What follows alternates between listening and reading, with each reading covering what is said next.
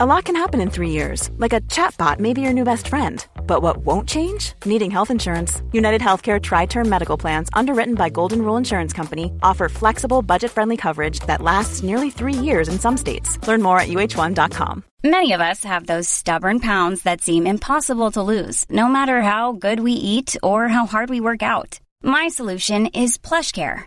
PlushCare is a leading telehealth provider with doctors who are there for you day and night to partner with you in your weight loss journey. They can prescribe FDA-approved weight loss medications like Wagovi and Zepbound for those who qualify. Plus, they accept most insurance plans. To get started, visit plushcare.com slash weight loss. That's plushcare.com slash weight loss. Hallå hallå, Simon Gärdenfors här. Det är lördag morgon, det är fint väder utomhus och jag ska berätta lite vad som händer i mitt liv innan vi sätter igång med Arkivsamtal med komikern Fritte Fritzson. Ja, eh, söndagar i P3 så går eh, ett humorprogram som jag är väldigt inblandad i. Specialisterna och eh, det kommer även upp som podcast utan musik efter då, eller på söndagarna. Så ni kan hitta det på Sveriges Radios hemsida och på iTunes. Sök på specialisterna. Under flaggen Humorhimlen så bli inte förvirrade. Dubbel Margarita går fortfarande att lyssna på på Spotify. Videon finns på YouTube. Ja, om, om ett par veckor kan man säga. Eller den 30 maj eh, och 31 maj så kommer jag rappa i eh, Småland. Den 30 maj, den eh, näst sista maj alltså, då uppträder jag på Popidyll i Kalmar som soloartist. Och den 31 mars så kör Växjö, Eh, då kör Växjö ett gig med far och son. Höll jag på att säga. Eh, det lät kanske lite konstigt men det är sant. Eh, kul va? Nu kör vi igång. Klippt av Einar Svensson. Signaturmelodi av Sandro Mintzing. Tack. Vi synes.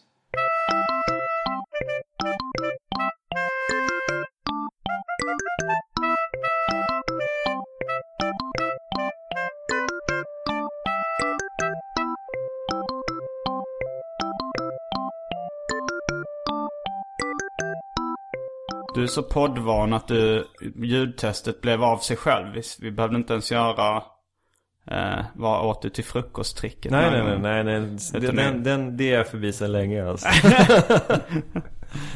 uh, så hej och välkomna till Arkivsamtal. Jag heter Simon Gärdenfors och mitt emot mig sitter Fritte Fritzson. Välkommen hit. Tack, det är jättekul att vara här. Uh, vill, vill du presentera dig själv lite kort? Ja, jag hade hoppats på en sån här att, skulle, att du skulle trycka på play nu så här att det blir en så här Fritte Fritzson föddes i Norrköping på tidigt 70-tal Som de har på P3 ibland Ja, precis Jag tycker ofta det är lite faktafel i de, mm. i de rutorna De plockar ofta från Wikipedia och sådär där, där det kan stå lite vad som helst mm. det, kan, det kan verkligen stå precis vad som helst där. Mm. Men jag är eh, komiker och manusförfattare mm. Och eh, bor i Stockholm eh, Har delad vårdnad om en hund Eh, tycker att livet för det mesta är ganska kul. Mm. Eh, lite pollenallergiker just nu.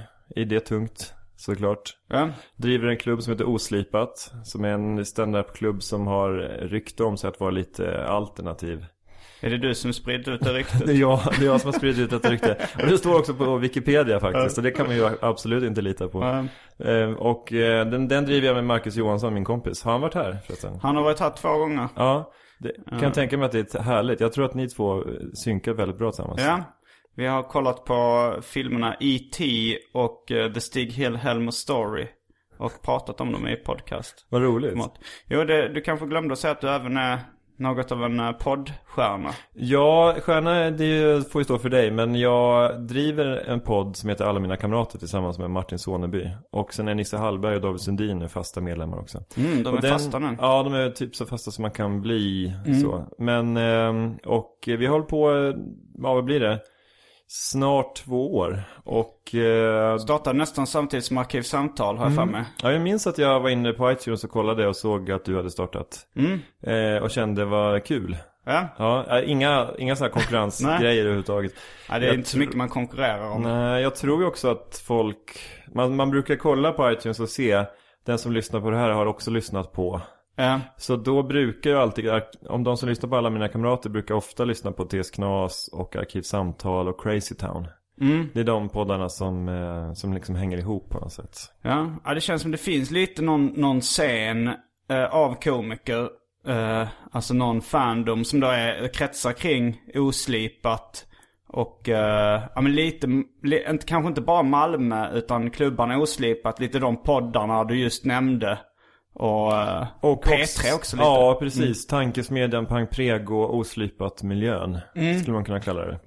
Jag har väl satt en fot i, i den svängen men kanske inte fullvärdig medlem. Du har satt en fot i den cementbaljan. Men den har inte riktigt torkat än kan man säga. Så du, är inte liksom, du har inte, du har inte liksom blivit nedputtad i Frihamnen än. Uh, nej. Men det är ju väldigt roligt att du har börjat med stand-up tycker jag. Mm. Det är ju, eh, du är en frisk fläkt. är det så? Nej men du är ju, eh, men du, är- alltså det, man märker ju om någon kommer och börjar med stand-up som hållit på så mycket med serier och ja, men annan scenkonst. Då känner man ju direkt att ja, men här är någon som fattar hur skämt funkar och så. ja. Jag tänker på det David Sundin också är lite grann samma. Men har inte han hållit på ganska länge? David Sundin? Nej, han har ju börjat med stand-up ganska nyligen. Men han har ju hållit på med humor och skrivit Jo. grejer och sådär. Men eh, Han ger intrycket av att ha hållit på rätt länge Mm. med stand-up. När man, eh, men han är också väldigt skojig. det är bara hans Wikipedia-artikel som... Jag har inte läst uh, hans Wikipedia. Nej. Har du en Wikipedia-artikel? Ja, det har jag faktiskt. Mm. Den är ganska centrerad på mitt eh, gamla studentliv i Lund. Det är någon, Mm. Huvuddelen av den artikeln är skriven av en person som är lite överliggare i Lund. Som heter Fredrik Tersmeden. Eller ja, Mm. Ja, han, ja, han är, han är sån här, vad heter det? Jag känner till honom. Ja, han är en sån han här är man... serietecknare. Ja, han, Han har jo, tecknat serier Ja, det har han gjort. Han är duktig tecknare. Har tecknat i massa nationstidningar och sådär. Och ritat, eh, ritat eh, skämtteckningar i mycket så studenttidningar så. Ja. Och, men han är också en anakronism, en levande anakronism. Han går omkring med, med så här, tweed och fluga och, och så här tvinnade Vad betyder en mustascher. anakronism? Men anakronism är väl alltså om till exempel eh, om Urho Kekkonen dyker upp på medeltiden till exempel. Vem är Urho Kekkonen? Den gamla finska presidenten, efterkrigspresidenten. Det var ett dåligt exempel. Kekkonen, vänta jag har en serieroman som heter Kekkonen. Så jag läst, eh, Ja. det finns en uh, serieroman om honom som jag har Ja läst. men då så, men då, då har du ge- en aning om. Ja. Men okej, vi tar ett annat exempel. Om, eh, om Simon Gärdenfors dyker upp eh, och håller ett tal tillsammans med Hjalmar Branting. Då är jag en- anakronism. Ja, det är det. För du hör inte hemma i den tiden. Och det kan, ju också, då kan, det kan ju också överföras, att man kan säga att men att Fredrik Tersmeden, att han klär sig som han gjorde på 40-talet, då blir det en anakronism idag kan man säga. Ja. Så det är väl lite grann åt bägge hållen Men vad tänker jag. betyder ordet anakronism? Eh, alltså? anakronism, alltså kronos betyder väl tid på grekiska tror jag, eller Mm. någonting sånt. Men anna, att det, det kanske är något, alltså jag, jag, nu gissar jag bara. Mm. Ibland, ibland är det så att jag si- sitter och säger saker som jag sen konstaterar att, det där har jag inget belägg för. Ja, när det finns inspelad form. Det är lite besserwisserns eh, fälla på något Ja, sätt. precis. Det är många Innan, som... förr i tiden kunde man ju sitta Ja, och ja. säga så här. Nej men du vet, alltså jag minns ju när jag och Fritiof Nilsson Piraten satt på Grand och eh, jag är helt säker på att han eh, förde upp en morot i anus. och så, så är det någon som kollar det och så var det inte det. Så var det Nej. selleri. Nej men sen, eh, och sen är det ju så att när, när man har eh, många lyssnare på en podcast så är det alltid någon som faktagranskar det. Någon jävla apfitta. som- och det där, det är ju inget fel. Alltså, alltså apor har ju också vaginor. Det, jag sa det som Ja. ett skällsord men eh, det var inte meningen.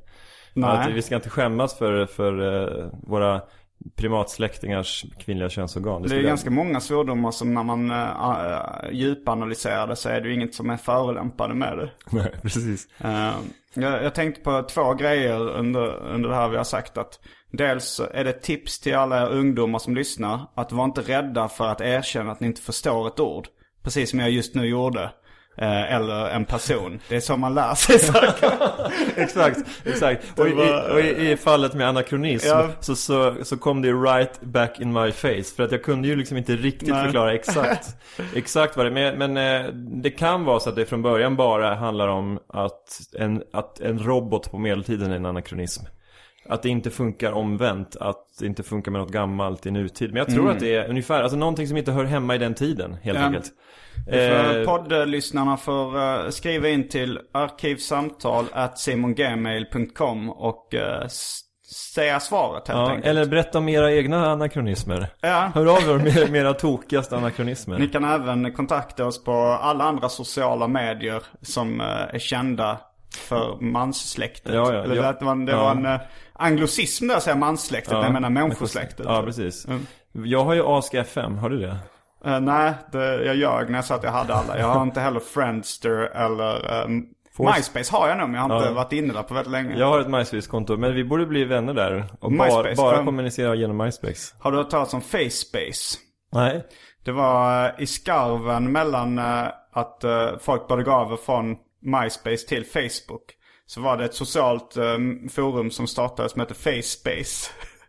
Det var några kompisar eh, till mig som, som skaffade användare på FaceSpace. Är det här på riktigt? Just i. Ja, detta är sant. Jag vet inte om FaceSpace finns kvar uppe. Men Var, var det så, så här som att, att man skulle få en mjuk övergång mellan MySpace och Facebook? Att annars skulle liksom brottet bli för hårt? Ja, om, man inte, vara- om, om man inte gick via FaceSpace först. Ja, nej, Alltså ungefär som att man skulle byta från vänster till högertrafik. Vi kör i mitten lite Ja. först. Man Så- röstar på Centerpartiet i övergången från vänster till höger. Exakt. Mm. Men FaceSpace, ja det är roligt. Jag har aldrig hört talas om det. Nej, All- det är inte aldrig. så känt. Men, eh, men eh, tecknarna Pike och Finsta, de var, hade användare på FaceSpace. Aha, och de hade okej. även teorin så att, ja men kanske så blir det inte så att Facebook blir det stora, eller folk kanske kommer lämna det. Då kommer vi ha så här, ett snygga liksom användarnamn. Man kan liksom ha sina, kanske sitt förnamn på FaceSpace utan att det är upptaget. Ja. Alltså så här som på Twitter eller någonting. Eh, men på Twitter och Instagram heter jag atgardenfors, där kan ni följa mig. Jag heter att Fritte Fritzson Mm. på Twitter och Instagram. Och eh, Fritzson stavas ju med Z och S. Det är många som missar det. Det är som att man ska tänka Fritz med Z först. Mm. Ja. Ett vanligt Fritz med Z. Och sen son som vanligt med S. Det här har du säkert svarat på tusentals gånger, men vad, vad hette du i förnamn när du, eh, på ditt pass? Eh, jag heter Fre- Anders Fredrik Fritzson. Eh. Mm. Men mitt tilltalsnamn är Fredrik. Så min mamma säger Fredrik. Eh, som är Fredrik Fritzson. Och Fritzson överhuvudtaget blir ju fritt. Det är ju ganska klockrent att det blir Fritte. Mm. Jag, jag hade en kompis på lågstadiet när vi skulle börja i första klass. Då, han heter Fredrik Flensburg.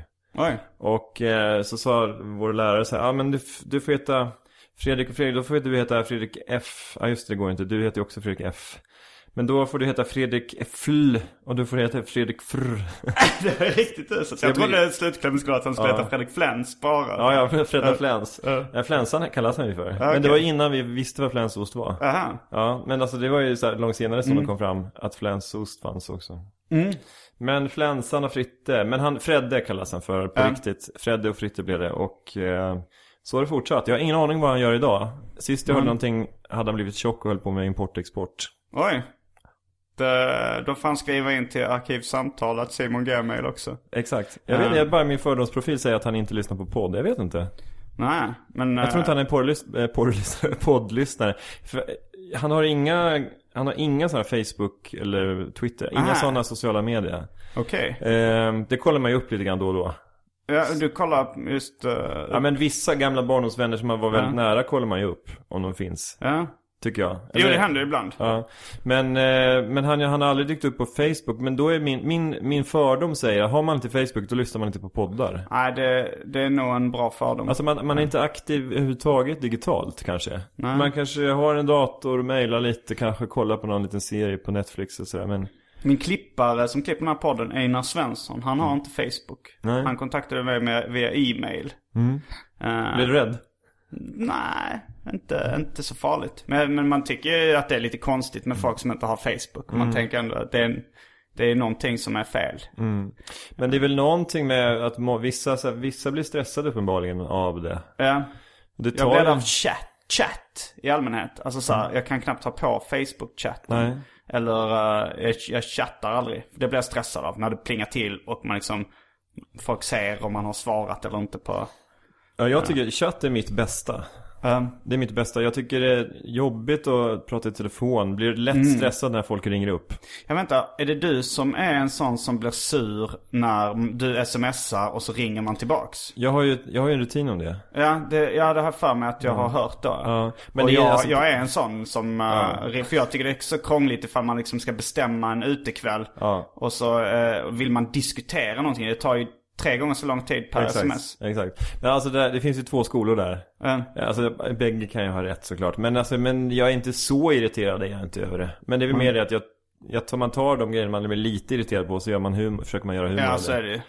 Eh, men i mitt fall så är det, är det en lång harang om att att jag messar var ska vi ses och när? Och så ringer personen tillbaks och säger Ja ah, tjena du jag tänkte det var enklare att jag ringer. Vi ska ses på Mäster Samuel Holmensgatan 138 F portkod 1832 någon gång mellan 1835 och 1845 och så är mitt svar, ja ah, vad bra, vänta då så ska jag bara häm- hämta papper och penna så jag kan skriva upp det som jag kunde fått i ett sms Ja just i det fallet kan jag nog, är jag beredd att hålla med. Men jag Alltså, hade när- en när grej till få- på, jag hade ett sidospår som, det har, gått, det har redan gått en kvart eh, mellan det första. Jag sa, det hade två saker på det här med anakronism. jag det var anakronism, jag har Ja, inte... just, ja. Du älskar sidospår, skulle du Ja, flika in ja, ett ja, nytt sidospår om Ja, hur mycket du fan- älskar sidospår? Ja, jag älskar sidospår både i verkligheten och på scenen. Det är Ja. roligt med komiker som, som, som splurchar ut i ett sidospår. Mm. Och sen, ja just det, och sen så tillbaka till historien. För det som är roligt med det är att det känns lite här och nu. Mm. Eh, stand-up handlar egentligen bara om att få det att kännas här och nu. Alltså, det ska ju- Bara? Ja, bara, eller, och skämt också. Nej men alltså om det är någon som, man, man blir väldigt på sin vakt om det är någon som står och bara rapar skämt och man känner att Ja men du är inte här, så att säga. Och det behöver inte innebära att man ska fråga vad jobbar du med och hur länge har ni varit ihop? Alltså det handlar inte om det, det handlar om att man har någon liten känsla för att man, man är i rummet och man liksom följer liksom rummets rytm. Ja. Är du med? Jag är med. Jag bara försöker hålla, eh, nu blev det ett sidospår om sidospår. Exakt, men nu, nu, nu bollar jag över till Nu- dig. Nu får du ta det andra Ja, grejen. det var, det var andra grejen. Det var anakronism. Jag har inte glömt vad ordet var va? Nej. Ja, men det, det är att en av mina favoritserietecknare kanske är i Stockholm redan nu. Han är från Kanada. Han heter Seth. Och han är en sån som lever som man gjorde på 40-talet. Eller han är, han är inte amish eller något sånt där. Utan han bara gillar klädstilen. Liksom 30-40-tals style. Och hans serier är lite tecknad i så här gammal. Eh, Så Dick Tracy-stil sådär eller? Ja, det är väldigt snyggt. Men eh, det, jag, det är en av de mina få favoritserietecknare som jag inte hittills har träffat. Nej. Och han ska prata på... Men du, är på- du är ändå Seth med honom? Alltså det är hans uh, artistnamn. Som Pike? Ja, som Pike. Eller som uh, RG liksom. Ja, exakt. Att eh, han heter egentligen P.O. Gregory Gallant. Men det står inte liksom på böckerna. står det bara by Seth.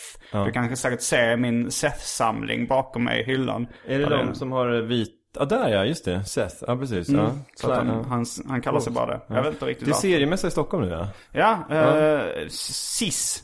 Mm. Stockholms internationella seriefestival heter den numera. Innan hette den SPX som stod för Small Press Expo. Och det är kvar, det är liksom en sån här fanzin. eh, SPX låter ju mycket tuffare. ja. Det låter ju som South by Southwest. Eh, Men det, det var ett internationellt koncept, SPX, att det fanns i, jag har varit på SPX i, i Bethesda Mm. i Amerika, USA. Men eh, med SIS, då tänker man också på heterosexuella män. Eller, Mm. Cis- eller cis-personer, det behöver inte vara män. Det är bara man identifierar sig med sin Ja, sexuella... precis. Men eh, cis, men då är det kön och med så C vidare. va? Ja det är det. Cis. Men det uttalas likadant. Ja. Och men CIS med S är ju så här, så här CIS det är någon så här standardiseringsinstitut också tror jag. Alltså Sveriges, Sveriges internationella Mm. Men standardiseringsinstitut. det är roligt om folk tror att det är en cis-mässa, alltså som Pride-festivalen fast för cis-personer. Ja, precis. Vi är så här, Vi är väldigt, väldigt trygga i vår könsidentitet. Det här, Mm. jag är Emman och jag är jätte, jättetrygg med det. Jag vill Eh, visa det för hela Vi kommer att ha seminarier om det här. Det kommer komma tecknare och författare, skådisar. Det kommer spelas ut pjäser om, som handlar om just cis-personer. Alltså med folk som är riktigt, riktigt trygga i sin könsidentitet. Och de umbäranden som de får uppleva. De måste vara heterosexuella också. Ja, det Väl. det är nästan en fördel. Mm. Eller nästan en, en nödvändig förutsättning. Men vad roligt med den här att han har lite så här 40 30-40-talsstil. Mm. För när jag bodde i Malmö-Lund så fanns det ett, liksom ett gäng Ja. som var från Åkarp. Mhm. Eh, där alla då hade fastnat i det här med eh, 40-talsmode, 30-40-tals, alltså du vet lite högt sittande yllebyxor och Ah. gamla skjortor och, eh, och kavajer och sådär. Och snygga, snygga gamla lågskor. Mm, för när jag bodde i Lund så var det en, eh, en kille som bodde på Smålands nation som eh, i mitt gäng kallades för Seth-ansiktet. Aha, okej. Det var inte bara hans ansikte som Nej, var gammaldags. Men han klädde sig som Seth. Ungefär. Eh, men eh, Men du, kan, du har säkert kanske stött på några av de här skjortebyxorna. De kanske är ett par, tre år äldre än vad du är. Men de, ja, men de är födda kring 70-72. Mm. Ja men det var nog Seth-ansiktet var en av dem. Men de, vi, vi, vi kallar dem för skjortebyxgänget. Mhm. Eller var jag som kom på det. Att, att vi skulle kalla dem för skjortebyx. För att de hade liksom skjortan nedstoppad i byxan. Ja. Det var liksom deras kännetecken.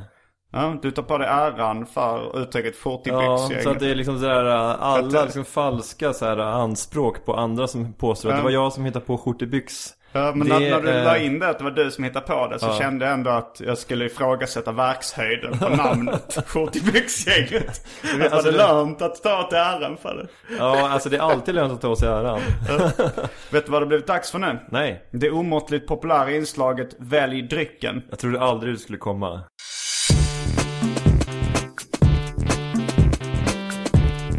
Jag tror vi börjar med det fasta inslaget Välj drycken! Jag har varit på Systembolaget på grund av att du skulle komma hit. Jag har ju överanvänt uttrycket balansöl. Vilket jag hörde från dig första gången. Var kommer det uttrycket ifrån? Ja men det där är nog också, men det, det tar jag verkligen inte åt mig äran för. Nej. Men det, det var någon som sa det någon gång bara. Det skulle vara så jävla gott med balansöl. Mm. Eh, och jag tycker det är ett sånt fantastiskt vackert uttryck. Så det är nog en av anledningarna till att jag dricker så mycket öl. Det är för att kunna säga, så nej men vi tar en balansöl va. Och balansöl Mm. betyder ju, det kan jag ju liksom, till skillnad från anakronism så kan jag säga exakt vad balansöl betyder. Mm. Det är när man har druckit kvällen innan och så nästa dag så kan man gå på ölen kanske vid 12 eller bara ta en lunchöl. Mm. Och då är det en balansöl. Ja, det är en form av återställare. Exakt, exakt. Och det finns ju säkert eh, kliniker och läkare och forskare som kan bes- beskriva exakt vad det är som eh, händer i kroppen. Jo men jag har hört lite om det att eh, Alltså jag tror när man blir bakfull så Det här, det här är ju en sån här typisk eh, podcastfakta som är väldigt dåligt faktagranskat Men jag källa en polare Som sa att när man blir bakfull så bildas det lite metanol Och inte bara etanol som är det vanliga alkoholen Som är lite slagg då. Ja, och eh, att det gör en bakfull. Och eh, om man liksom tillsätter lite etanol till det, då blir det bättre på något sätt. Riktigt uh, slapp fakta.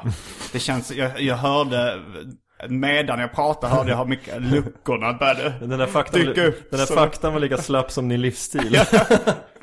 Vilket, det vill säga, slapp på ytan men ganska organiserad. ja men är det inte så att du, du är en sån som verkar slapp men du är jävligt produktiv? Jo, det är en image-grej.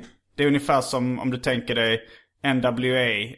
De eh, vill ge intrycket av att de är gangsters.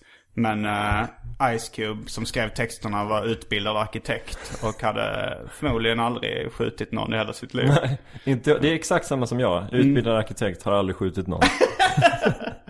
så där, på det sättet är ju jag och Ice Cube fruktansvärt lika. Mm, det är ni. Nu kommer dryckerna från det omåttligt populära eh, inslaget Välj drycken. Då har vi Dry Martini. eh, inklusive oliv då, om du undrar. Pepsi Max. Yes. Sen har vi kategorin balansöl. Där finns det Landsortslager, Bedare Bitter, Samuel Adams Boston Lager, Nils Oskar Pale Ale. Alltså i och för sig om, om det ska vara, jag drack lite öl igår. Jag drack två stora stark. Tre, tre drack jag. Men vänta, vi, st- vi stannar här. Ja. Kan du inte bara säga hur många du drack? tre. jag glömde lunch eller kvällsmats starköl. ja, precis. Eh, Men så då kan jag ändå säga att det här är en balansöl. Mm, annars jag. Mm. om, om man inte drack igår så. Är det det för dig? Ja, alltså, jag, tyvärr så drack jag två folköl igår bara. Eh, det är väl lite ett gränsfall. Jag skulle inte riktigt säga att det är en balansöl då. Men säg så här. Det är kvavt idag. Jag känner mig lite så här premenstruell. Det, kan, ja, men det finns andra eh, sådär faktorer. Så man kan återställa balansen från att Ja. Du tror alltså på vätskor som man gjorde förr. Så här, gul galla och Mm. svart galla och så vidare. Exakt, och, och blod och slem var det va? De Ja, det fy- kanske det var. de- Och de fyra kropp, kroppsvätskorna, de motsvaras ju också av de här kroppstyperna då.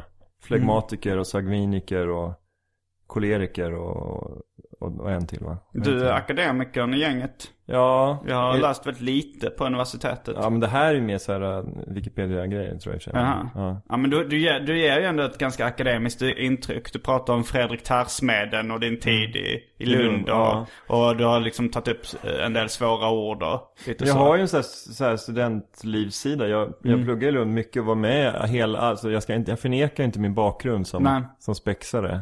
Jag är ju mer eh, by blood. Alltså så att jag är uppvuxen i Lund och eh, har väldigt akademiska föräldrar. Exakt. Men har pluggat väldigt lite själv. Ja. Men jag vet inte, att, jag, alltså, jag försöker ändå, alltså jag tycker inte att jag snackar så akademiskt men uppenbarligen så uppfattar folk mig som det ändå. Mm, lite. Ja. Det kommer efter ett tag. Nu fortsätter vi med listan. Ja. Eh, de något numera bespottade dryckerna avslagen Coco Bahia och avslagen Vira på blåtira. Ja, det tycker jag är ett samhällsproblem. Det har dykt upp en del eh, hatare, en del näthatare som gör allt för att de ska försvinna ur min kyl, de dryckerna. Uh, Baileys, Ja. Irish cream. Eh, sen så på vägen eh, hem från Systembolaget så stod det no- några uh, tjejer vid en vagn och delade ut te. Eh, alltså såhär någon, någon, någon slags dryck som hade extremt svettig namn och slogan. De hette Little Miracles med sloganen Meaningful drinks to do you good. Och det var eh, i smakerna vitt te, svart te och grönt te. Det, de försöker nog slå sig in på lite samma marknad som uh, sådana här min, mineralvatten med vitaminer. Och, och den här lite nyandliga, spirituella yoga-trenden. Trender, ja. Ja. S- Men de, de har jag nu i kylen, i alla fall alla tre. Ja, det kan jag säga, det lockar mig inte alls. Nej, inte mig heller.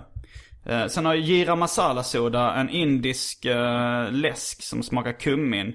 Som eh, en tjej skickade med posten till mig. Mm, jag dricker inte etnisk läsk. Nej. Sen har vi för tråkmånsar och nejsägare vatten.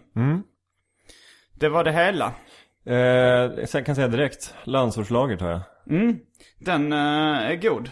Då, jag tar också en sån, jag köpte faktiskt två. Ja, vad bra. Då, eh, Alltså vi... Sam Adams tycker jag oftast är jättegod, men den Du är dricker ändå jag... Sam med Sam, Sam Ja, jag är Sam med Sam Adams. Jag, jag är Brooklyn med Brooklyn Lager.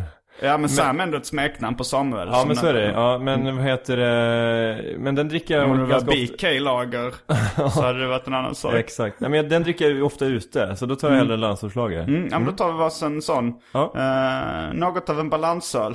Vi är snart tillbaks.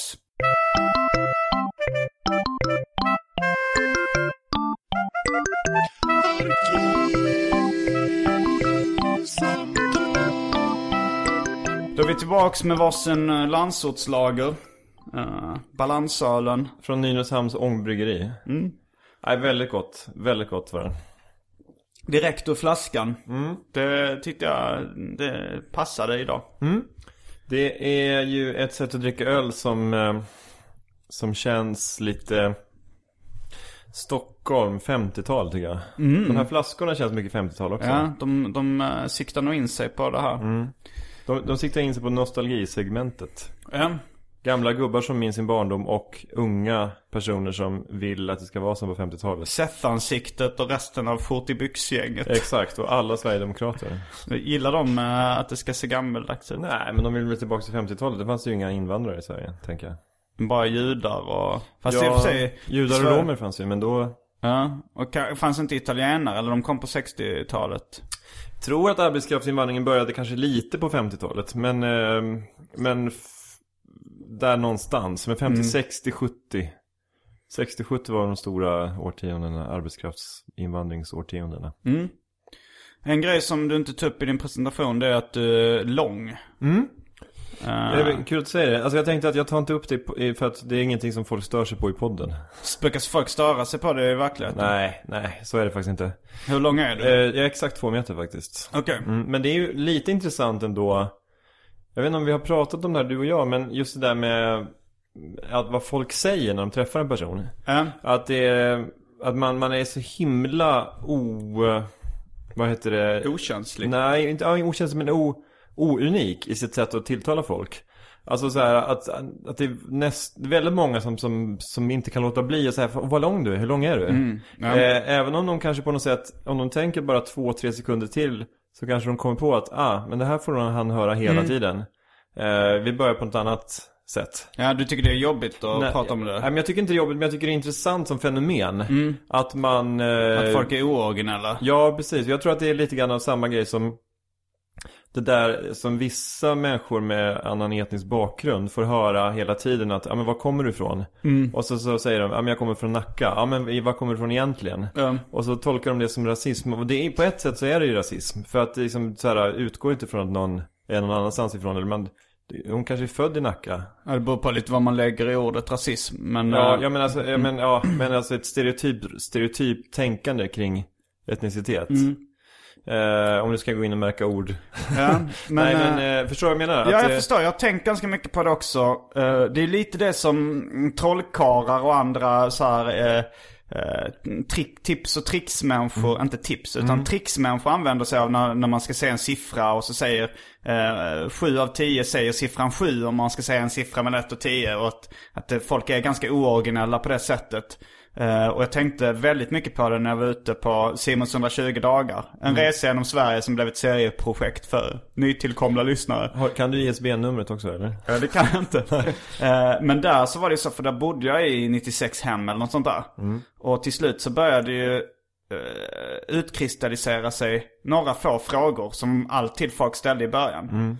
Alltså en fråga så här, var... eh, allt så här, ah, har du varit över hela Sverige? Så här, hur högt upp norr? Och hur långt söderut? Vilka orter? Det frågar de alltid. Och sen så frågar alla, eh, vad, vem var den konstigaste du har bott hos? Vem var den sjukaste? Och då sa du alltid du. Nej, för det, om det vore så väl. Men det var en väldigt ooriginell fråga så de var ju Ja. inte så sjuka. Men, men då, eh, sen så blev det ju så på något sätt att jag visste vilka frågor som skulle ko- komma. Och det var inte med, jag var, hade inte börjat med stand-up eller humor på det sättet då. Men det blev ändå att jag slipade fram en rutin. Att när folk frågade det så hade jag ett jävligt bra svar som jag inte minns nu. Men liksom på de frågorna så kom jag in på så här och så skrattade folk. Jag visste precis vad vi, eftersom folk är rätt ooriginella så skrattar folk åt samma saker också ungefär. Så då blev det som en sån här pang, pang, pang skämt. Eh, Det är bra, alltså, det måste jag utnyttja mer tror jag. att Istället, folk, ja. ja, istället för att sitta och analysera i olika poddar så ska jag bara börja, börja utnyttja det hänsynslöst. Utnyttja vad? Alltså det där med att folk är oint- o, Jaha. eh, Ja, du borde ju skriva en pang, pang, pang-rutin. Ja, det, det vet jag inte om det är ett begrepp som, som finns. En Klapp, klapp, rutin. klapp kommer, kommer det. Vad heter det? Som klapp, klapp hockey fast, fast Jag vet inte ens, jag kan ingenting om idrott. Alltså klapp, klapp hockey det är väl lite grann att det är så bara, ja men du vet. Mycket snabba passningar. Snabba puckar. Ja exakt. Det vet jag vad det är. Som eh, den klassiska superfemman, den sovjetiska superfemman från, från 80-talet. Grenolin. Gren- Grenolin. Jag ska bara visa hur lite jag kunde om idrott. Ja, det var roligt att du sa att du sa grenoli och så sa du det också lite fel. Så, grenolin. grenoli heter de ju. Men Okej. eh, det gör ju ingenting. Det var ju bara, det är ju charm, Grenolin, det är charmigt. Mm, det är jättecharmigt. Du är, du är en jävligt charmig liten härlig kille alltså. Ja, nu fick du med min längd också. Ja, Eh, det var ju- var det- det ett straff för att eh, Nej absolut inte, absolut inte. Eh, men alla är ju små killar jämfört med mig. Så att, Ja. utom han Magnus Hallberg, han som körde lite stand-up.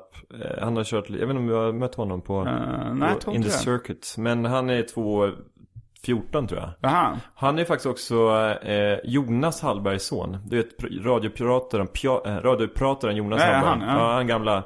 Han som hade Måndagsbörsen på 80-talet och är lite sådär Spanarna och lite Är han inte kvar i Spanarna? Jo, han, har, han dyker väl upp där då och då tror jag. Ja, jag trodde han var typ programledare där. Nej, det är nog Ingvar Storm tror jag. Eh, men Jonas är med i panelen då och då Mm. tror jag, fortfarande. Och så det, det finns en längre komiker. Ja men det gör ju det. Mm. Eh, så fanns det väl en annan kille som heter Patrik tror jag innan. Har jag för mig att vi, vi, eh, vi, att det här var ett sidospår. Att det var någonting som jag tyckte var lite intressant. Som vi skulle ta upp innan vi kom in på uh, idrott. Eh, men det var, Mm. Nej, jag, kom- jag kommer inte ihåg faktiskt. Nej. ska vi gå tillbaks och lyssna vad det var? Och sen komma in på det. Nej, det tycker jag, det, det tycker jag känns fusk. Jag har gjort det någon gång. Har du det? Ja. Nej men då tycker jag, det, det är bättre att det är organiskt. Mm, Men det är roligt när man sitter och härleder saker. Alltså så, hur fan kom vi in på det här? Ja. Och så börjar man nysta bakåt. Och så är, den kedjan är oftast rolig. För att när man sitter och pratar om någonting och, går, och hoppar vidare till någonting, till sidospår och sidospår och sidospår. Ja. Då tänker man inte på det. Men sen när man går tillbaks till ursprunget, då tycker man ofta att det är ganska roligt hur, hur man kom från, Jo, från det ena till det det brukade andra. jag analysera när jag var liten och här under köksbordet och lyssnade på de vuxna som pratade. Mm. Så tyckte jag det var intressant att höra hur ett samtalsämne gled in i ett annat samtalsämne. Försökte analysera det. Men jag kom på faktiskt vad vi pratade om. Det var det här eh, fenomenet som trollkarlar och kanske vissa komiker använder. Att folk är ooriginella. Och att man då eh, säger ungefär samma sak. Och att du borde utnyttja, du tyckte att du skulle utnyttja att folk Eh, var det då du tänkte framförallt på att folk, alla kommenterar att du är lång? Som du skulle utnyttja skamlöst? Att så här, ha en rutin på det? Ja men det borde så- jag ha. Det borde jag ha. Men alltså det är, det är, det är många fall som Dels, dels, dels att jag har en hund då eh, Som är en fox terrier Och det är också så här, man kan nästan ställa klockan efter folks kommentarer. För alla som är över 55 år och som, Mm. som går fram på stan och säger så här. De där ser man inte så ofta nu för tiden. För då är det ofta så att de har haft, eller haft någon kompis som hade en foxterrier Mm. eller någon familj som hade det när, när de var små. Men, Och så är den inte lika vanlig nu då i stadsbilden tydligen. Ja. Eh, och så säger de det, så de ser man inte så ofta nu för tiden. men då borde du ju skriva skämt på alla de kommentarerna som du alltid får. Men då kan man säga till dem, man, sådana som du ser man inte så ofta nu för tiden. Så här, så här äldre.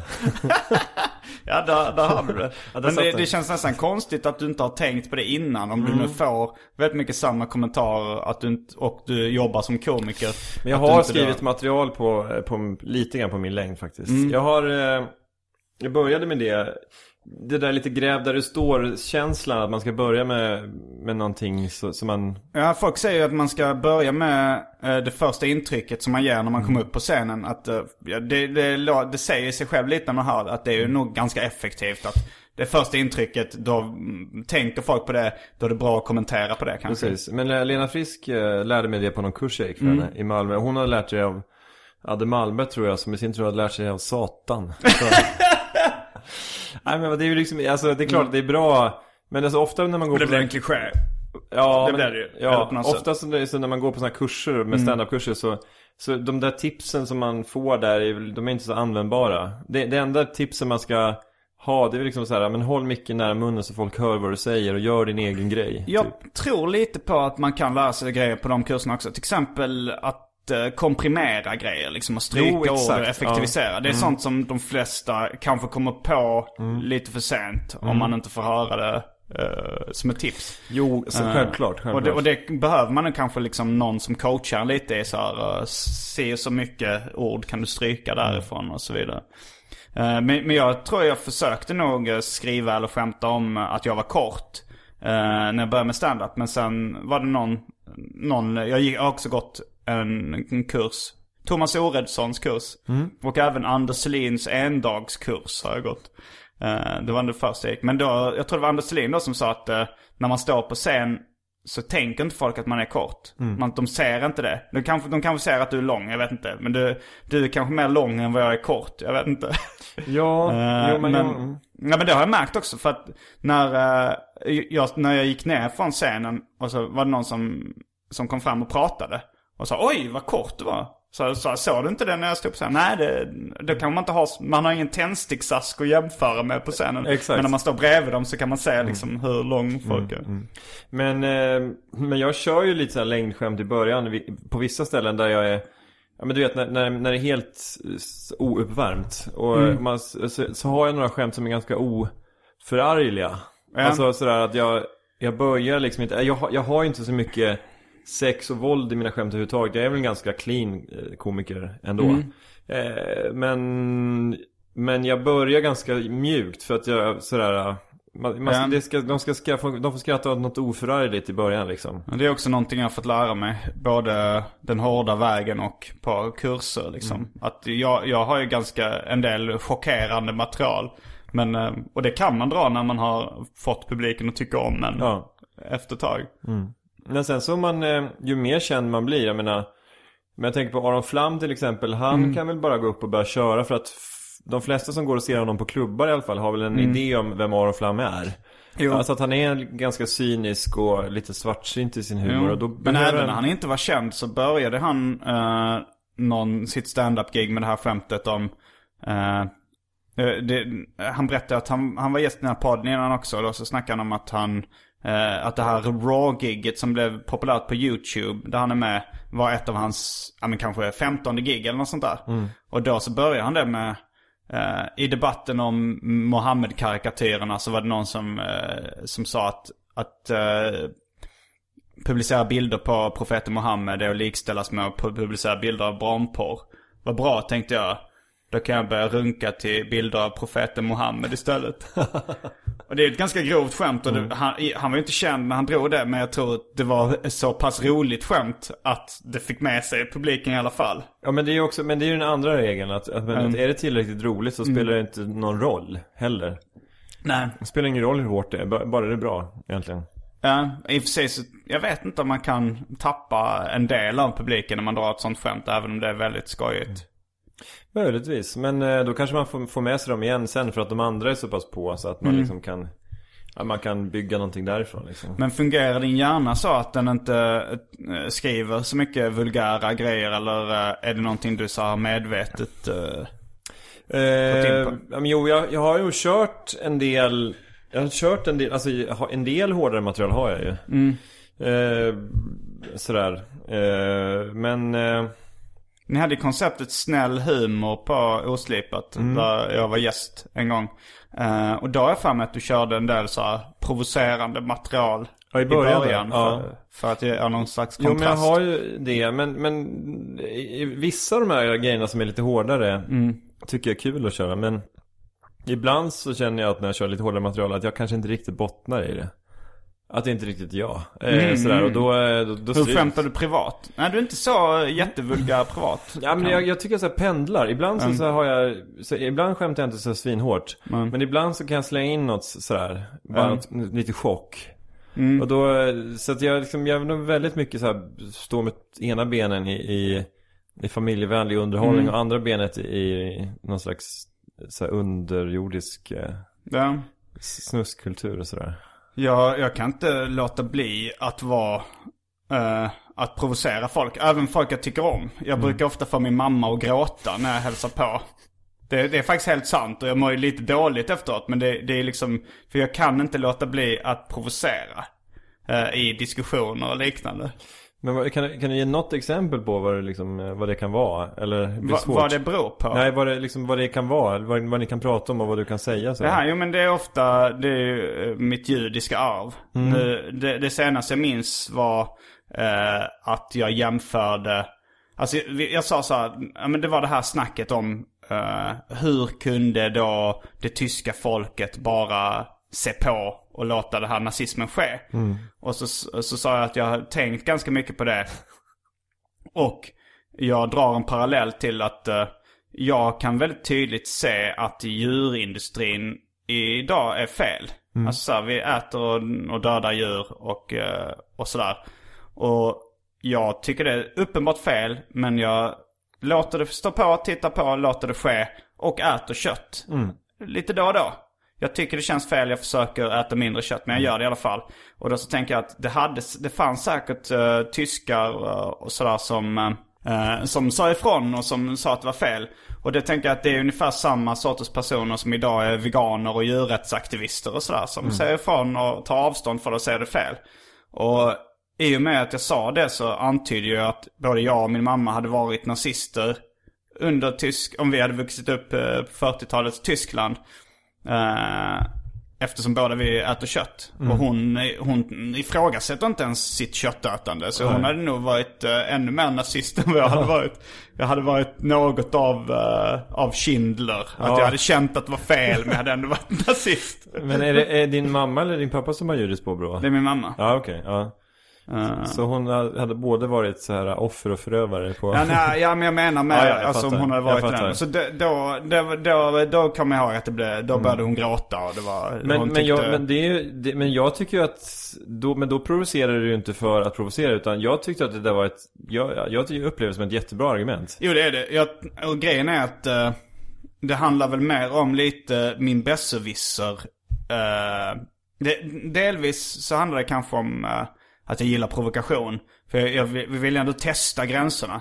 Men grejen var ju att jag visste ju att hon skulle bli ledsen av att få höra det.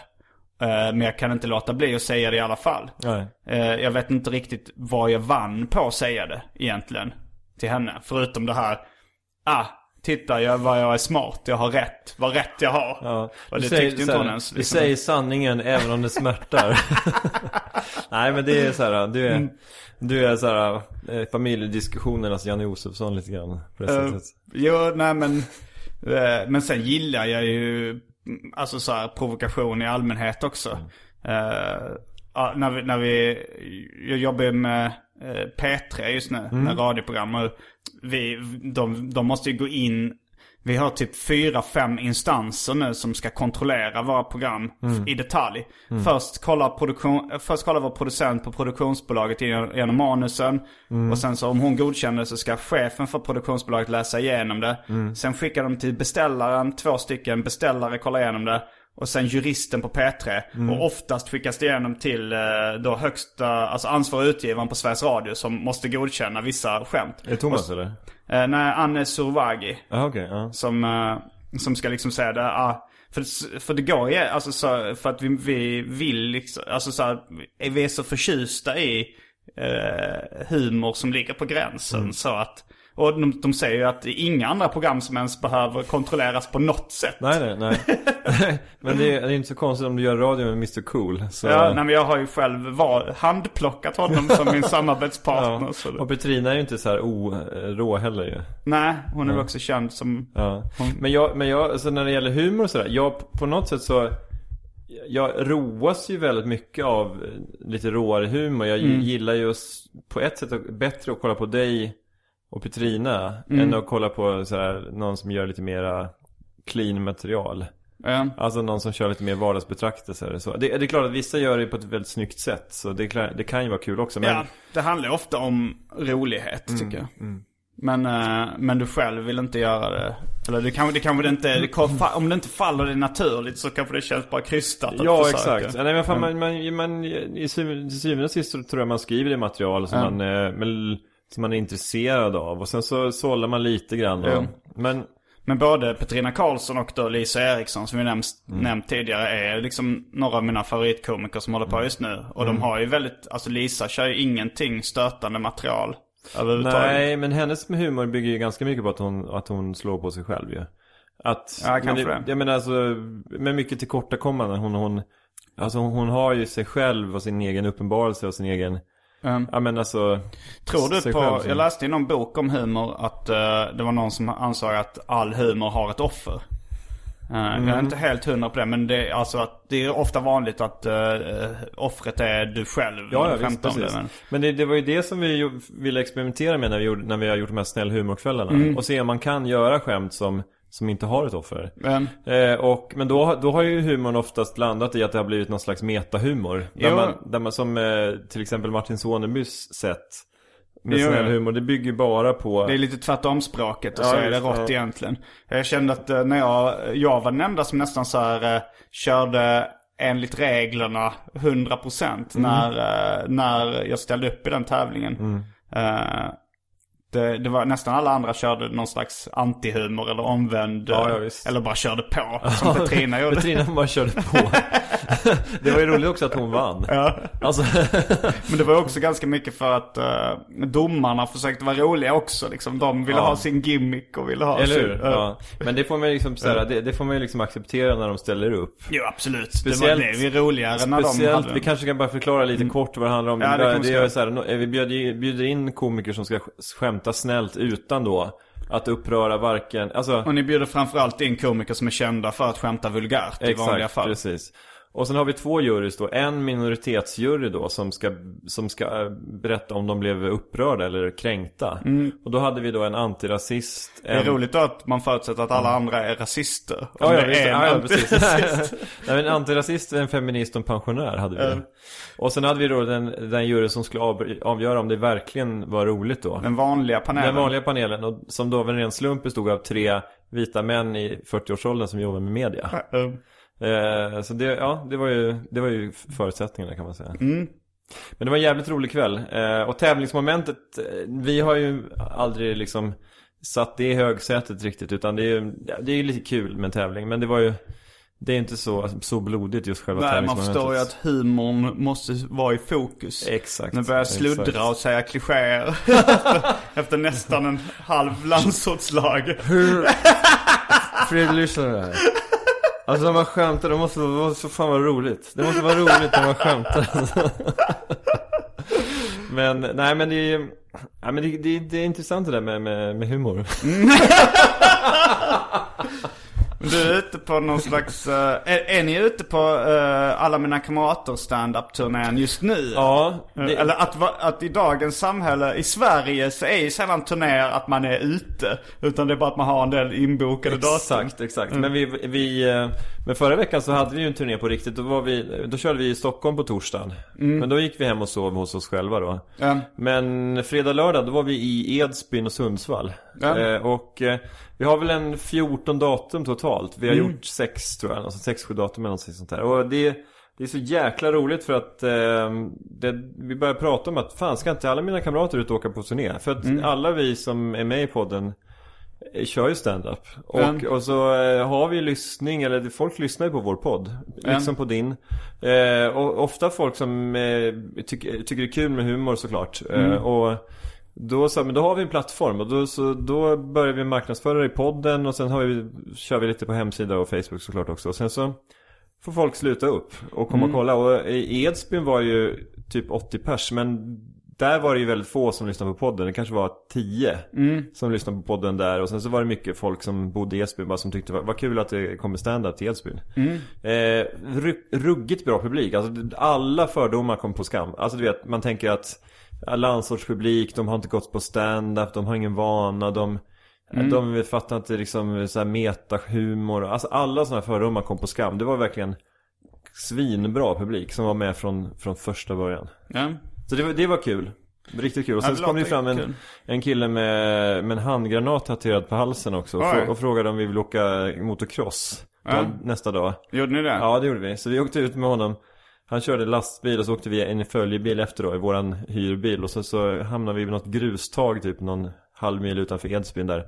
Så han plockade fram sin eh, 450 kubiks Honda motocrosscykel. Så körde vi runt där och turades om och körde runt i det där grustaget. Och eh, jag tänker bara, eh, under hela tiden jag körde så tänkte jag bara på det här avsnittet av Louis i säsong 3 när han helt plötsligt går in och köper en motorcykel. Ja, alltså Eh, skadar sig. Ja, så det första han gör är att liksom krocka med, liksom kör in i en lastbil bakifrån och hamnar på, på akuten. Har det kommit nya avsnitt nu? Eh, Jag läste på IMDB att eh, 2014 ska komma en ny säsong av Louis. Mm. Han har de- släppt ett eller två dubbelavsnitt av säsong 4 men jag har inte jag har inte kollat på det än. Mm. Eh, jag, jag, är bara, jag har bara kommit till säsong 3. Mm. Men säsong 3 tycker jag var så jävla bra. Det är ju, alltså man, man växer ju in i det såklart. Ja. Men eh, det var ibland, jag, Jag tycker, det, jag tycker det är rätt bra. Men eh, jag, jag tycker inte det är fantastiskt. nej. Det, Jag tycker det är fantastiskt Det, det, det, det är rätt roligt det att han, att han, han vågar göra avsnitt utan humor. Mm. Och eh, att liksom, det känns som, det är är auteur-tv-serie på något sätt liksom. Ja men jag, det, är det inte det liksom att många briljanta komiker går från någonting som är bara roligt till att det blir mer och mer, det blir mer och mer svartsynt. Alltså klungan, ja, det är väl mindre och mindre så här ren humor. Alltså det är väl mer och mer bara allmänmänskliga betraktelser. Och Killinggänget gick ju samma väg. Ja. Det var så här mycket skratt från början, det, var knas. Men sen Ja, så... det kommer jag ihåg, eh, vi, pr- eh, första gången jag intervjuade Anton och Mr Cool så, Mm. så klagade han på det. Men han, han tyckte mer att eh, det var för att de inte kunde vara roliga längre. Mm. Att, och sen så, eh, så låtsas de att de försöker säga någonting istället. Som Ja. att täcka över att man inte kan vara lika kul längre. Ja men så, så kanske det är i vissa fall. Men just när det gäller Louis CK så tror jag inte, alltså hans... Nej, det tror jag inte riktigt. Hans scenshower är ju fortfarande, där har, sätter han ju fortfarande skrattet i centrum. Mm. Alltså, så här, skrattet i centrum. Det lät som en studiecirkel så här, från 83. Ja, men jag sa humorn i fokus nyligen. precis. Med humorn i fokus. eh, nej men jag tyckte säsong 3 av Louis var så jävla bra för att eh, det, men jag på riktigt så både storskrattade jag och grät. Alltså, Oj, du grät. Ja. Eh, Var, var det den när han är i Afghanistan? Nej, eh, det stod grät jag inte åt. Men jag tror att jag stod grät på... Men det är den säsongen. Eh, Den sista säsongen som är klar. Ja, precis. Nej men var inte Afghanistan jag grät åt men Men jag kommer inte ihåg nu vad det var men det var nog någonting eh, När det bara var, liksom, var lite fint liksom. Det var någonting väldigt fint att han hade Come to terms with himself på något sätt. Eller, Jag kommer inte ihåg vad det var. Men Men eh, Men liksom den här växlingen mellan någonting som kan vara liksom så här lite Nästan lite melodramatiskt. Alltså det behöver inte vara så här djupt Djupt så här Men tycker du det är bättre än uh, Kirby Enthusiasm och Seinfeld? Eh, ja, det, det är nog möjlig jämförelse i alla fall med Seinfeld för det är liksom två olika, helt det. olika år, årtionden. Ja. Jag menar, det är väl, ja men det är 15 år mellan. Jo, det är svårt att göra en, en liksom rättvis jämförelse. Men, men jag skrattar nog ändå mycket mer när jag kollar på Seinfeld och Ja. Curb. Än, Ja, alltså Curb har jag liksom eh, aldrig riktigt eh, drabbats av sådär. Jag fattar Nej. ju att det är kul liksom Mm. men det, jag, jag vet inte, det, det är någonting med Då kollar jag nog nästa, om jag ska välja cringe-serie. Vad är cringe? Cringe comedy, det är ju så här uh, pinsam, alltså att man Aha. skrattar, att man tycker Man skruvar på sig? Ja, man, skämskudde comedy. Aha, okej. Alltså The Office, uh, Mm. Curb, uh, Louis, alltså pinsamma situationer som blir jobbiga och, Mm. lite, och lite roliga liksom. Det är bara en sån här undergenre till, Ja, till comedy. man lär sig ett nytt ord varje dag. Ja, Eller exakt. två. Ja, nu, nu har du fått fan fått Anakronism tre. och... Anakronism och skjortibyx och, Skjortibyx, inget cr- ord. cringe. Skjortibyxgänget är väl ett ord? Det är ett sammansatt det är ord. ett gäng. Okej, Är X-Men ett ord? så så här, X-Men är inget ord. Det är ett, gäng. superhjältegäng. Okej, Simon Gärdenfors, 13 och ett halvt år. Nej men, eh, Men detta- cringe, om du ska välja cringe comedy. Då väljer jag nog snarare Louis framför Curb tror jag. Ja, och du räknar Cur eller Louis som cringe comedy? Ja, jag tycker nog ändå så att eh, senare säsonger tycker jag ändå är tillräckligt cringeigt. Men vad har du för förebilder eller vilka komiker gillar du? Det här kan ju funka även lite som tips för folk som vill kolla in på YouTube och sådär. Mm. Ja, alltså, vilka- så här, förebilder, eh, det, det, tycker jag är svårt. För att då, det implicerar på något sätt att man ska, att det inte ska vara någon som liksom ändå liknar en själv lite grann, eller sådär. ja, som man tar Eh, efter lite. Ja, lite så liksom mästare-lärlingsgrej. Men, eh, men komiker så här, jag gillar att kolla på. Eh, det finns en snubbe i eh, New York som heter Eugene Merman. Som är en sån här indie-komiker som kör mycket i Brooklyn. Merman som är sjöjungfru. Eh, Men Merman, alltså M-I-R-M-A-N. Sjö- Eu- Eugene Merman. Um, Han är lite så löst, löst sammankopplad med, ja med många andra så här lite alt comedy människor. Alltså han känner ju liksom Patton Oswalt och Maria Bamford och han är ju ganska, ganska tight med Kristen Shaw och Kurt Brownaller till exempel. ja, Maria Bamford som jag känner igen av de namnen. Men, Men men, Kristen men det Shaw, är mycket, hon- jag ska Kristen lyssna Shaw- igenom Kristen den här Shaw- podden igen och, och liksom YouTube alla de namnen. Det tycker jag så jag ska lära mig lite. Men Kristen Shaw är hon som eh, spelar i, i eh, Flight of the Concords. Hon som Mm. spelar deras enda fan. Okej. Hon som är den här... Uh, ja. Jag har inte kollat så mycket på Flight of the Conchords. Några avsnitt eh, fastnar inte. Her voice sounds like this. She speaks Uh-huh. with a very, very crazy voice. Är hon rolig She som like standup-komiker? crazy voice. Ja, hon är väldigt, eh, hon är bra. Hon är, Mm. hon är väldigt så här, väldigt experimentell. Kul. Alltså så här, tänjer gränser. Det är Eugene Merman också. Han gör, han, eh, han verkligen leker med formen. Um, Det gillar jag som fan. Du vet, eh, mycket metagrejer och börjar också, alltså börjar plocka upp saker som folk har skrivit om honom själv på internet och så börjar göra grejer kring det. Och eh, sådär. har du tänkt på att, uh, att stand-up-scenen i Göteborg är mer experimentell än i, i Stockholm och Malmö? Alltså grejen är att jag har ju Jag har ju inte varit i Göteborg på, på, så här, på den underground-scenen på tre år. Men, För att i början när jag började då fanns det lite någon klubb sådär En klubb som heter Bajsnödigt Som var lite experimentell. Men sen så Så rann den klubben lite grann ut i sanden. Och sen så var det ju lite så här ett vakuum. Sen var ju lite Göteborg en ganska död stad när det gäller stand-up Några år. Men nu känns det som att Det är några, några eldsjälar i en lite nyare generation som har börjat liksom göra Alltså börja bygga upp en scen igen ja, det är väl någon sån en kille som heter Kristoffer Helios Lindgren som an, anordnar mycket grejer. Ja. Och det finns, sen finns det ju eh, den här killen, alltså de, de jag tänker på med experimentella komiker, det är kanske mest två pers i Göteborg idag. Men, men eftersom de kör mycket där och att det är en ganska liten scen så tänker jag ändå på det. Alltså så han, det finns ju han eh, Nima som har karaktären Alex Vasim. Som startade någon sån här brå, eller där han får stryk på, eftersom han, han liksom provocerar publiken. Det är förmodligen stageat, jag vet inte. Nej, nej. Eh, men eh, jag tyckte det var ganska skojigt YouTube-klipp när han får stryk.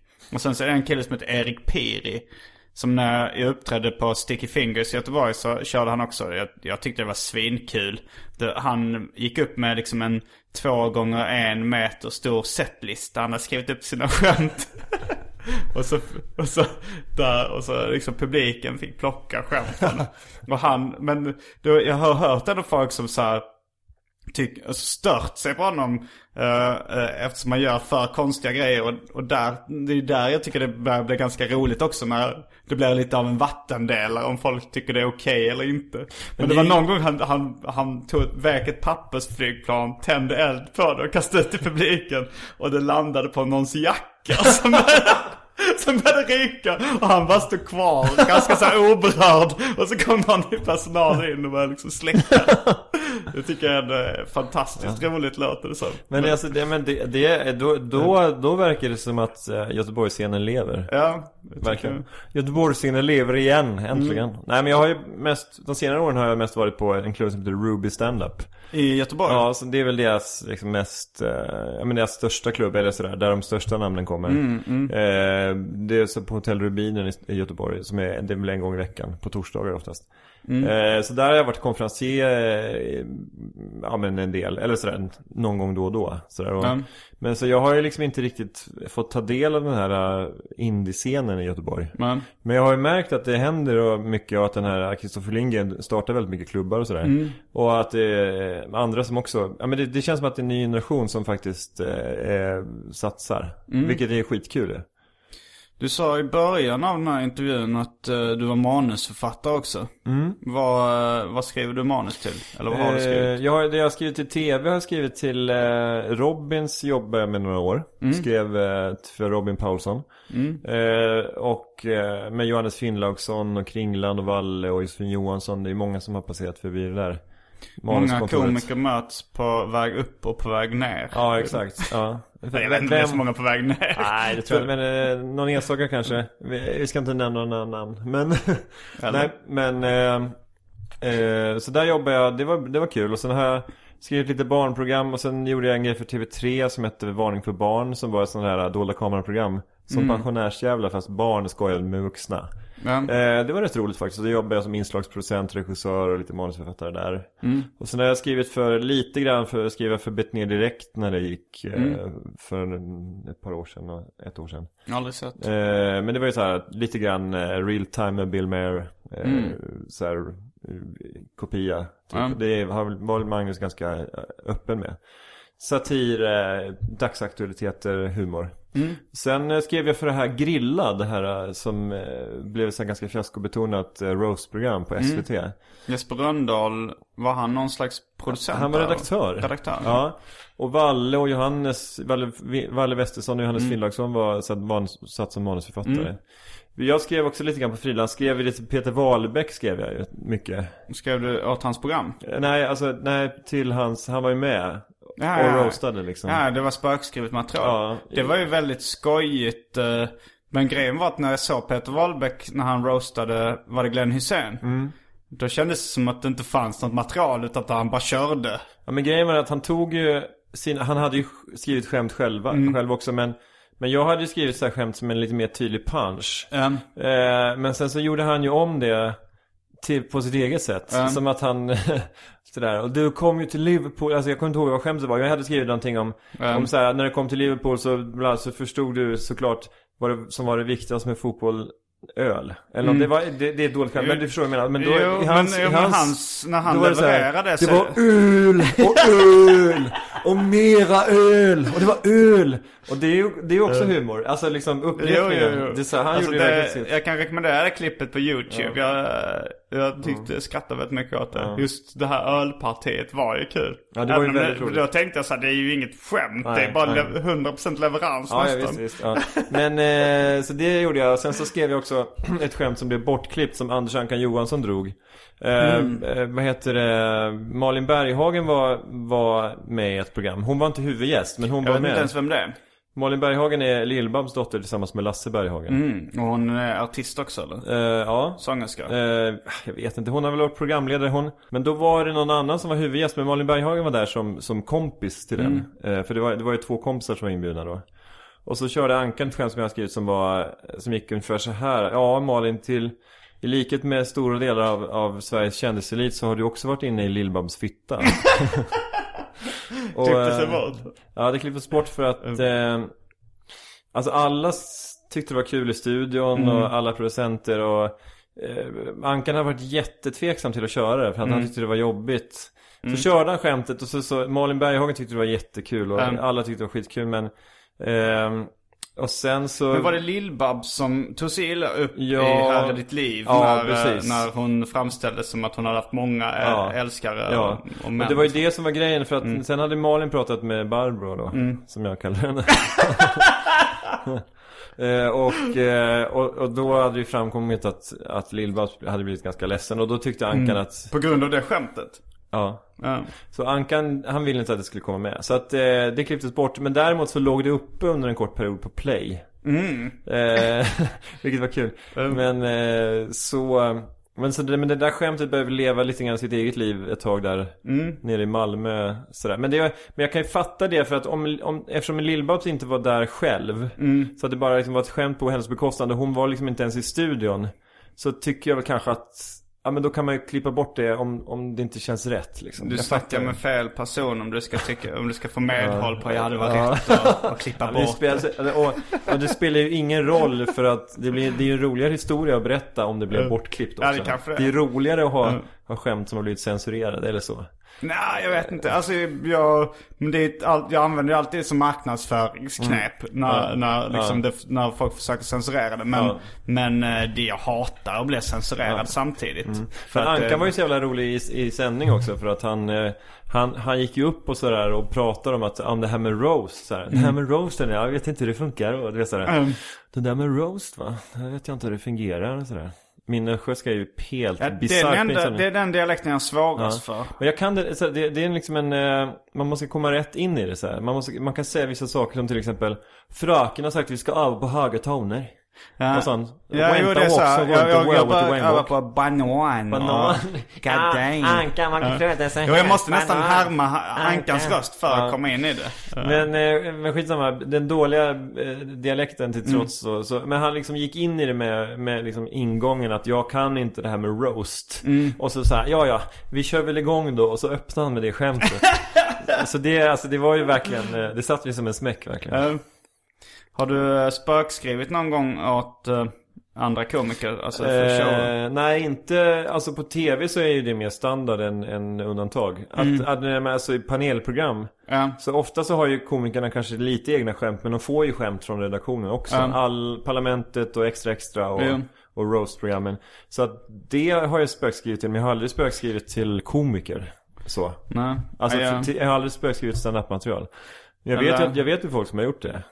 Ja, jo, Mm. men, ja, det är väldigt, men eh, det verkar som att man har rätt mycket tystnadsplikt. Det är aldrig någon som vill säga riktigt för Mm. Vem som har spökskrivit åt vem. Nej. Men, eh, men jag läste att Jay Leno, apropå det tv, att när han, han läser igenom varje kväll över 200 skämt. Och så väljer han kanske 10 av dem. Mm. Och sen funkar inte alla. Det är Nej. så konstigt men Ja. eh, undrar hur många skämtskrivare han har. Det kanske han har kanske 20 skämtskrivare som skriver 10 skämt var. Som, Mm. Ja men jag tror att man, dels har han en redaktion och sen så har han nog också folk som sitter och Jo, i, min inbildning är att det fortfarande är så i USA att, att det kommer fax med skämt. Nej men så, så, USA är väldigt efter på vissa sätt.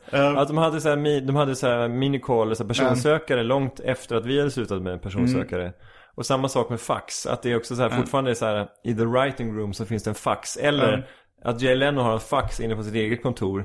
Så är det så här skickas det skämt från så här, det sitter någon i Wisconsin och, och skickar skämt via fax till Jay Leno. Läste du förresten, eh, han, eh, det var för några veckor sedan, det var någon som hade, en mördare som hade rymt från ett fängelse. Jag tror det var någonstans i Västergötland. Och eh, de, de hade startat en utredning nu eftersom fängelsepersonalen hade enbart meddelat larmcentralen via fax. Det var, det, det var liksom, jag läste det i Metro och det stod så här. eh, ja, det är vanligtvis så brukar de liksom ringa och faxa och kanske meddela på något annat sätt. Men, Ja. men vi håller på att utreda nu varför personalen enbart meddelade via fax. Kan det vara för att de skämdes så jävla mycket? Att de inte pallade ta samtalet? Jag har ingen aning, det, jag- det är bara så roligt att... Jag tror det var ganska mycket så att, "Aj, aj, jag pallar inte ta det här samtalet. Men var, vi har, ska vi skicka fax då eller? Men varför, jag frågar, varför skickar de fortfarande via fax överhuvudtaget? Finns Fax är ju fan, det är ju helt, eh, det är en anakronism. Och med de orden så avslutar vi med den sam eh, sammanvävningen av alla trådarna i hela programmet. Avslutar vi veckans upplaga av Arkivsamtal. Det har varit väldigt roligt att vara här Simon. Mm, detsamma, det var kul att ha dig här. Eh, Simon Gärdenfors heter jag. Fritte Fritzson heter jag, på alla sociala medier.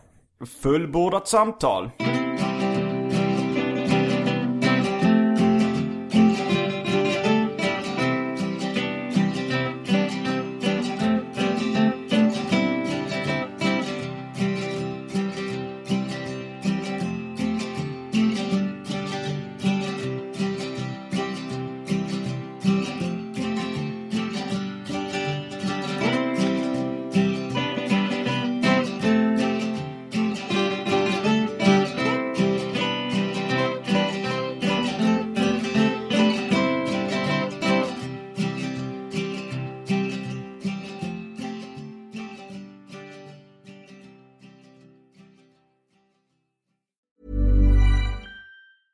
Planning for your next trip?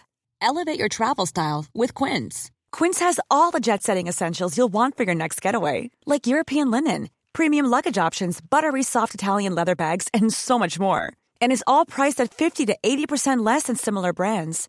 Plus, Quince only works with factories that use safe and ethical manufacturing practices. Pack your bags with high-quality essentials you'll be wearing for vacations to come with Quince. Go to quince.com slash pack for free shipping and 365-day returns.